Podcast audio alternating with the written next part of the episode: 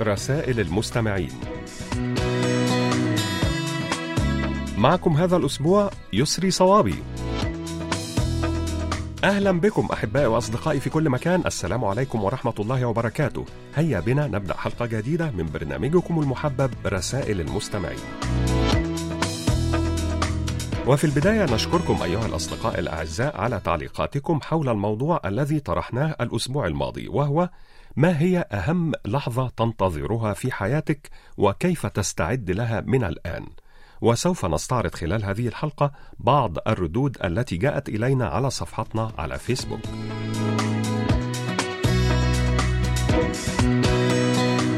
اكتبوا لنا أيها الأصدقاء على صفحة القسم العربي على فيسبوك وأيضا إذا كان لديكم مقترحات بأفكار ترغبون في مناقشتها عبر البرنامج أرجو منكم إرسالها إلى بريد القسم العربي أو إلى ركن رسائل المستمعين.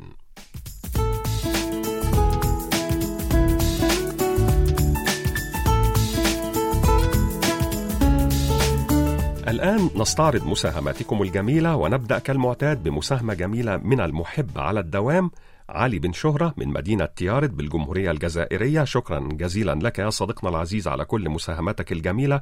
وقد أرسل إلينا هذه الأبيات الشعرية اللطيفة للشاعر إيليا أبو ماضي بعنوان كن جميلا ترى الوجود جميلا أيها الشاكي وما بك داء كيف تغدو إذا غدوت عليلا إن شر الجناة في الأرض نفسا تتوخى قبل الرحيل الرحيلة وترى الشوك في الورود وتعمى أن ترى فوقها الندى إكليلا.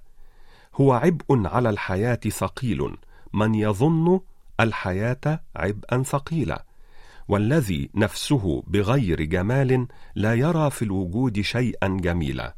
ليس أشقى ممن يرى العيش مرا ويظن اللذات فيها فضولا. أحكم الناس في الحياة أناس عللوها فأحسنوا التعليل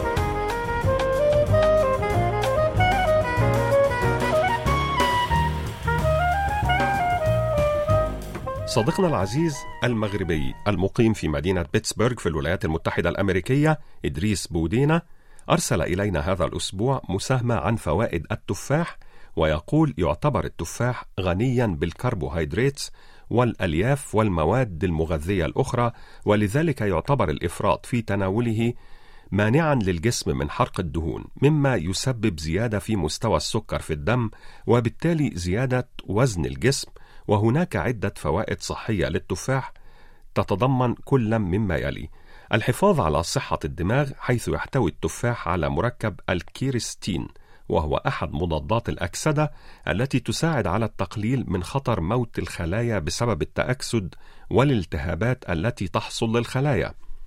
وبالتالي فإن للتفاح الفضل في الوقاية من خطر الإصابة بألزهايمر والخرف والسكتة الدماغية التخثرية. وقد أظهرت الأبحاث أن النساء الكبار في السن اللاتي يتناولن التفاح بشكل يومي تنخفض لديهن مستويات الكوليسترول الضار بنسبة 23% وفي المقابل ارتفعت مستويات الكوليسترول الجيد بنسبة 4% بعد مرور ستة أشهر فقط. كما ثبت أن الذين يتناولون ثلاث حبات من التفاح في الأسبوع يقل خطر إصابتهم بالسكري من النوع الثاني بنسبة 7%. تشير الأبحاث أيضا إلى قدرة التفاح على الوقاية من سرطان الثدي، ويرجع السبب في ذلك إلى وجود مركبات فينولية في أغلب الفاكهة والخضروات بشكل عام وفي التفاح بشكل خاص. نواصل أحبائي وأصدقائي مع صديقنا العزيز محمد السيد عبد الرحيم شارع الشوشة مركز الحسينية الرقم البريدي 44654 محافظة الشرقية بجمهورية مصر العربية وكتب إلينا صديقنا العزيز محمد السيد عبد الرحيم تحت عنوان الوجوه الطيبة. يقول في كل شيء يلعب القدر دورا في حياتنا ابتداء بالعمل وانتهاء بالحب. فقد نجد من يمنحنا التشجيع والرعاية وقد نجد من يضع أمامنا العقبات. وعندما يجلس الإنسان مع نفسه ويراجع صفحات حياته التي مرت يجد فيها اشكالا وألوانا من البشر. فهناك من مد له يدا تنقذه في ساعة محنة وهناك من دفعه إلى مصير مؤلم. وسوف نكتشف ونحن نراجع هذه الصفحات أن هناك أناسا غرسوا في أرضنا شجرة وأن الشجرة كبرت وصار لها ظلال وثمار. وسوف نكتشف أن هناك شخصا آخر غرس في القلب سهما. فالبعض يترك لنا رصيدا غاليا من الذكريات وكلما تلفتنا حولنا وجدنا منه شيئا جميلا يحيط بنا. البعض الآخر ترك لنا أسا ومعاناة. لذلك من الأفضل دائما أن نترك داخلنا تلك الذكريات الجميلة التي ربطت بيننا وبين الناس. وإذا كانت هناك ذكريات مؤلمة وصفحات موجعة فمن الضروري أن نتذكر أن هناك دواء جميلا اسمه النسيان. ولكن ينبغي ألا ننسى أن نوجه الشكر من القلب لكل إنسان كان معنا في ساعة ضيق ووجدنا فيه كل العطاء والشهامة. نواصل أحبائي مع الصديقة العزيزة رسل عبد الوهاب من الجمهورية العراقية وتحت عنوان كم بطن للنحلة كتبت أختنا العزيزة رسل تقول قال تعالى يخرج من بطونها شراب مختلف ألوانه. صدق الله العظيم. فلماذا قال رب العزة بطونها بالجمع ولم يقل بطنها بالمفرد؟ تبين أن النحلة لديها ثلاثة بطون تأخذ الرحيق ويدخل للبطن الأول فترة ثم يفتح صماما فينزل إلى البطن الثاني الذي يحوله إلى عسل. وفي نهاية البطن الثاني صمام لا يسمح بنزول العسل منه إلى البطن الثالث إلا للضرورة وبشيء قليل. والبطن الثالث فيه أحشاء النحلة إذ تتغذى بهذا القليل في أثناء طيرانها ولتستكمل رحلتها. وعندما تعود النحلة إلى الخلية تحدث المعجزة. حيث إنها تستعيد ما في البطن الثاني من العسل الصافي وتخرجه من فمها وتضعه في فتحات الخلية وليس من أمعائها. الآن أحبائي وأصدقائي معنا مساهمة طريفة من صديقنا العزيز حمزاوي محمود حمزاوي من جمهورية مصر العربية أسوان صندوق بريد 79 وهي عبارة عن مواقف وطرائف يقول صديقنا العزيز حمزاوي محمود حمزاوي بينما كان أستاذ جامعي يعبر الميناء في زورق يسير بمجدفين سأل صاحب الزورق هل تقرأ وتكتب؟ فقال له لا فقال إذا تفوتك نسبة 20% من مباهج الحياة عندئذ جاءت موجة قوية كادت أن تقلب المركب فسأل صاحبها الأستاذ الجامعي هل تسبح؟ فقال له كلا فرد قائلا هذا يعني أنك كنت على وشك أن تفقد مئة بالمئة من مباهج حياتك. وقال الفيلسوف البريطاني برتراند راسل الفرق بين العلم والفلسفة هو أن العلم ما نعرفه والفلسفة هي ما لا نعرفه. وبعث أحد القراء إلى صحيفة ديلي نيوز التي تصدر في نيويورك سؤالا يقول فيه إذا كان العالم يزداد صغرا كما جاء في مقالكم الافتتاحي فإنني أود أن أعرف لماذا تزداد أسعار تذاكر السفر ارتفاعا.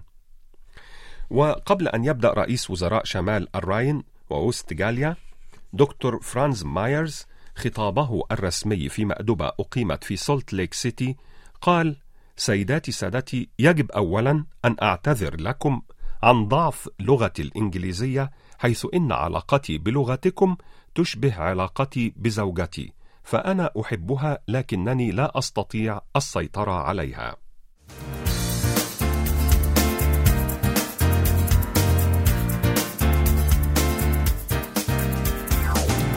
شكرا جزيلا لك يا صديقنا العزيز حمزاوي محمود حمزاوي ونهديك ولكل الأصدقاء الأعزاء. هذه الأغنية الكورية اللطيفة بعنوان كريو هيو. مشتاق إليك لفرقة 21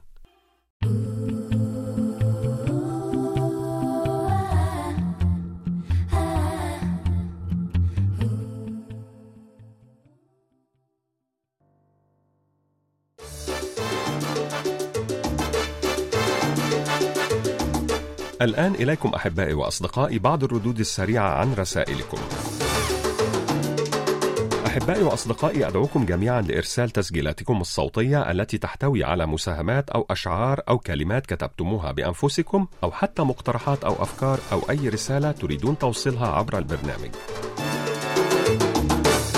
مشكور يا مستمعنا الوفي أبو علي مؤمن من الكاليتوس بالجزائر حيث تقول ما أجمل الطيبة مع البشر وما أقساها على صاحبها البشر بعضهم بلاء فرضهم عليك القدر إذا تأنى في اختياراتك فالصديق بأفعاله وتأنى في أفكارك فالعداوات تبدأ من الأفكار.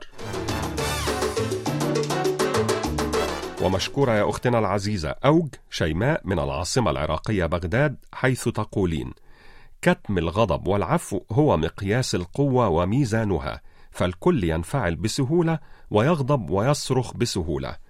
ويضرب وينفس عن غضبه بأي شيء أمامه أيضا بسهولة لكنه ليس هو القوي إنما القوي هو القادر على فعل كل هذا لكنه يعفو ويتجاوز ويسامح ولا تحكمه انفعالاته.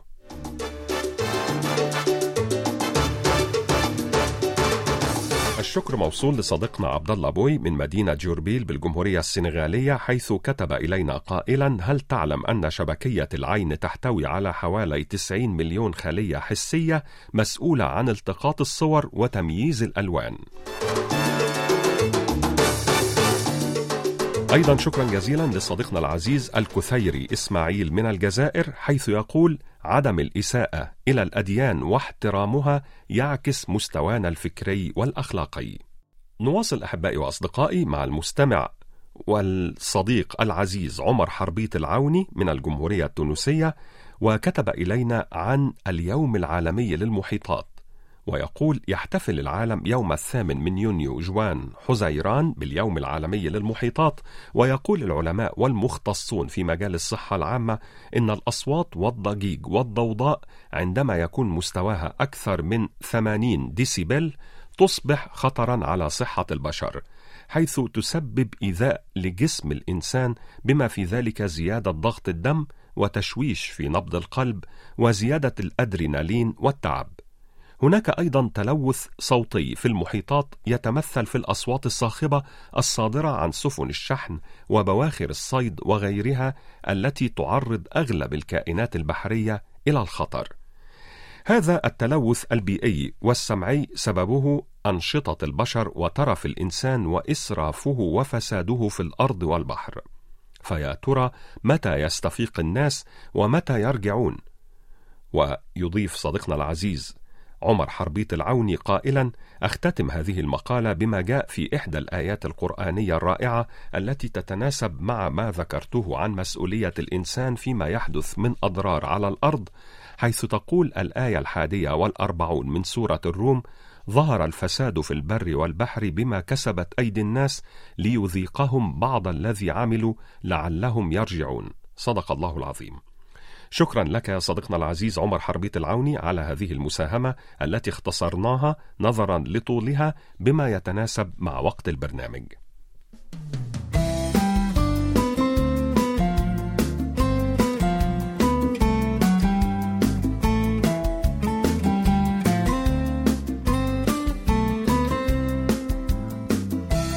الآن أحبائي وأصدقائي لدينا قصة فيها عبرة من مستمعنا العزيز الصديق محمد بودوخة من الجزائر.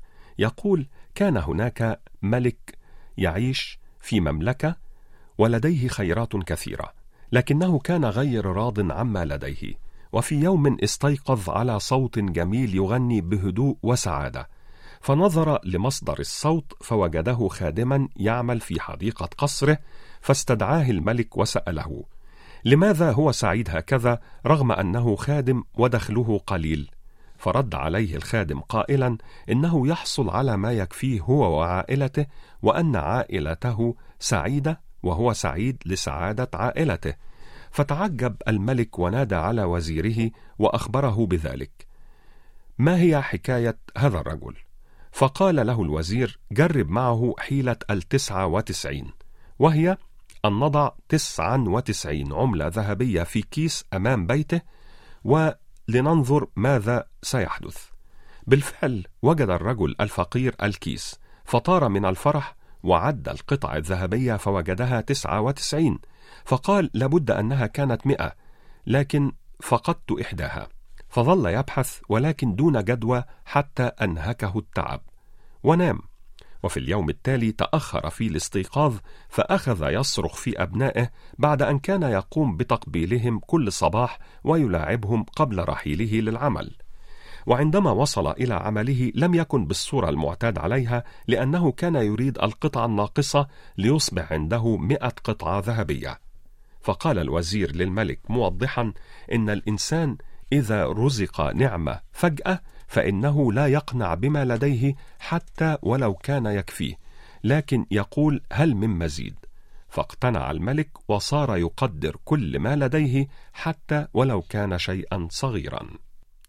نواصل أحبائي وأصدقائي مع صديقنا العزيز جمال عبد الله من الجمهورية التونسية وكتب إلينا مساهمة بعنوان ألبرت أينشتاين وجائزة نوبل للفيزياء ويقول سافر العالم أينشتاين إلى اليابان في عام 1922 في الوقت الذي تم فيه الإعلان عن فوزه بجائزة نوبل للفيزياء. في الفندق الذي كان يقيم فيه لم يجد معه مالا ليعطيه للخادم الذي جلب له الشاي. فأمسك ورقة وكتب فيها جملة ثم وقعها وأعطاها للخادم ونصحه بالاحتفاظ بها. بعد مرور 95 عاما في يوم 24 أكتوبر من عام 2017 اتصل أحد أبناء إخوة عامل الفندق ذاك بدار للمزايدات في مدينة القدس لطرح الورقة في المزاد. وابتدأ المزاد بالشاري الأول 2000 دولار وبعد 25 دقيقة وقف المزاد على مبلغ واحد وثلاثة من عشرة مليون دولار. الآن لنرى ماذا كتب أينشتاين في تلك الورقة. لقد كتب هذه العبارة حياة هادئة ومتواضعة تجلب قدرا من السعادة أكبر من السعي للنجاح المصحوب بالتعب المستمر.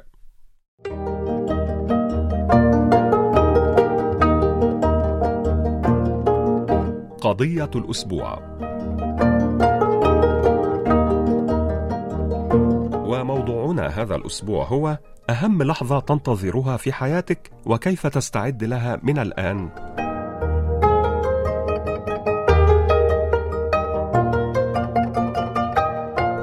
نور الحياة تقول بالنسبة لي ليست لحظة إنها لحظات إكمال دراستي وإكمال مشروعاتي والالتقاء بحب عمري والاستمتاع بكل لحظات حياتي حتى لحظة لقاء الله التي أرجو أن تكون أجمل لحظة. أميرة طالبي من الجزائر تقول: هناك لحظتان مهمتان أنتظرهما بشدة في حياتي، الأولى هي اللحظة التي أرى فيها اسمي ضمن قائمة الناجحين وبدرجات عالية في امتحان شهادة البكالوريا. أما اللحظة الثانية فهي اليوم الذي أحقق فيه حلمي وألتحق بال KBS الراديو العربي كصحفية أو مقدمة برامج إن شاء الله. أختنا العزيزة رسل عبد الوهاب من العراق تقول: اللحظة التي أسافر فيها إلى كوريا من لحظة خروجي من المنزل وحتى المطار في كوريا. كيم بويون تقول: أهم لحظة في حياتي هي ركوب الطائرة والإقلاع إلى كوريا. من بعدها زيارة البلدان المفضلة الأخرى لدي ومن بينها فلسطين واليابان. أخيرا نورا تقول: يوجد لحظات كثيرة أنتظرها في حياتي ولم أفقد الأمل وما زلت متفائلة.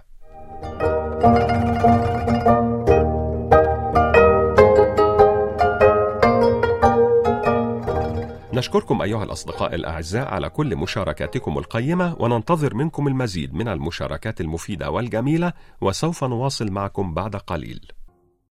نواصل أحبائي مع الصديق الدائم الصديق المهندس عبد الناصر محمد رشاد كامل وعنوانه جمهورية مصر العربية محافظة الشرقية مدينة العاشر من رمضان المجاورة السادسة صندوق بريد 1006 وتحت عنوان حكم ومواعظ قصيرة كتب إلينا يقول كن رجلا بألف رجل فإن لم تستطع فكن رجلا ولا تكن نصف رجل. إذا لم تزد على الحياة شيئا تكن أنت زائدا عليها. ليس المهم أن نكون أذكياء لكن المهم أن نستخدم ذكاءنا. سترى حين ينجلي الغبار أفرس تحتك أم حمار؟ الجاهل عدو نفسه فكيف يكون صديقا لغيره؟ علم ابنك الصيد خير من أن تعطيه سمكة. أن تقرأ كتابا ألف مرة خير من أن تقرأ ألف كتاب. الحق منصور وممتحن فلا تعجب فهذه سنة الرحمن. المسلم كالشمس إذا غربت من جهة طلعت في جهة أخرى. قطرة المطر تحفر في الصخر. ليس بالعنف ولكن بالتكرار. المؤمن كالنحلة تأكل طيبا وتضع طيبا. يا داخل الدار صلي على النبي المختار. لو حرمني الزمن من لقياك فلن يحرمني من ذكراك. لو كان كل الناس مثلك كان الوفاء تاجا على كل مخلوق. الأماني حلم في يقظة والمنايا يقظة في حلم. أخيرا إن للحسنه نورا في الوجه وضياء في القلب واثرا في الخلق.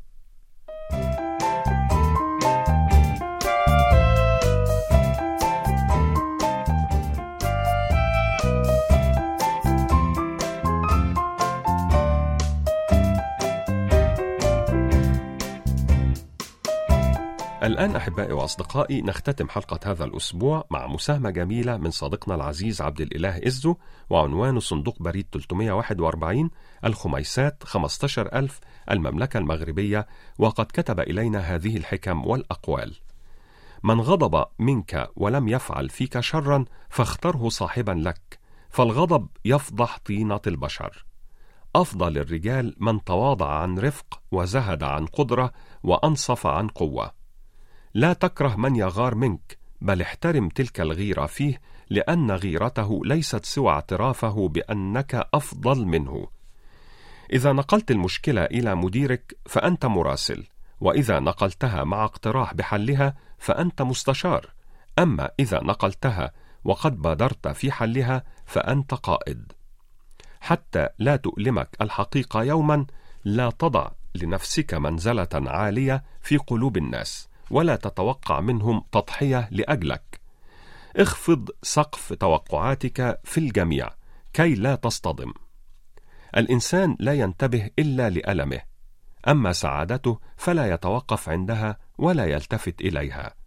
ولو فكر الإنسان في سعادته لوجد أن لكل مرحلة من مراحل حياته حظا منها. من لا يقرأ يعيش حياة واحدة حتى ولو اجتاز السبعين. أما من يقرأ فيعيش خمسة آلاف عام. وقال لقمان الحكيم لابنه يا بني ليكن أول شيء تكسبه بعد الإيمان بالله أخا صادقا فإنما مثله كمثل الشجرة. إن جلست في ظلها أظلتك وإن أخذت منها أطعمتك وإن لم تنفعك لم تضرك.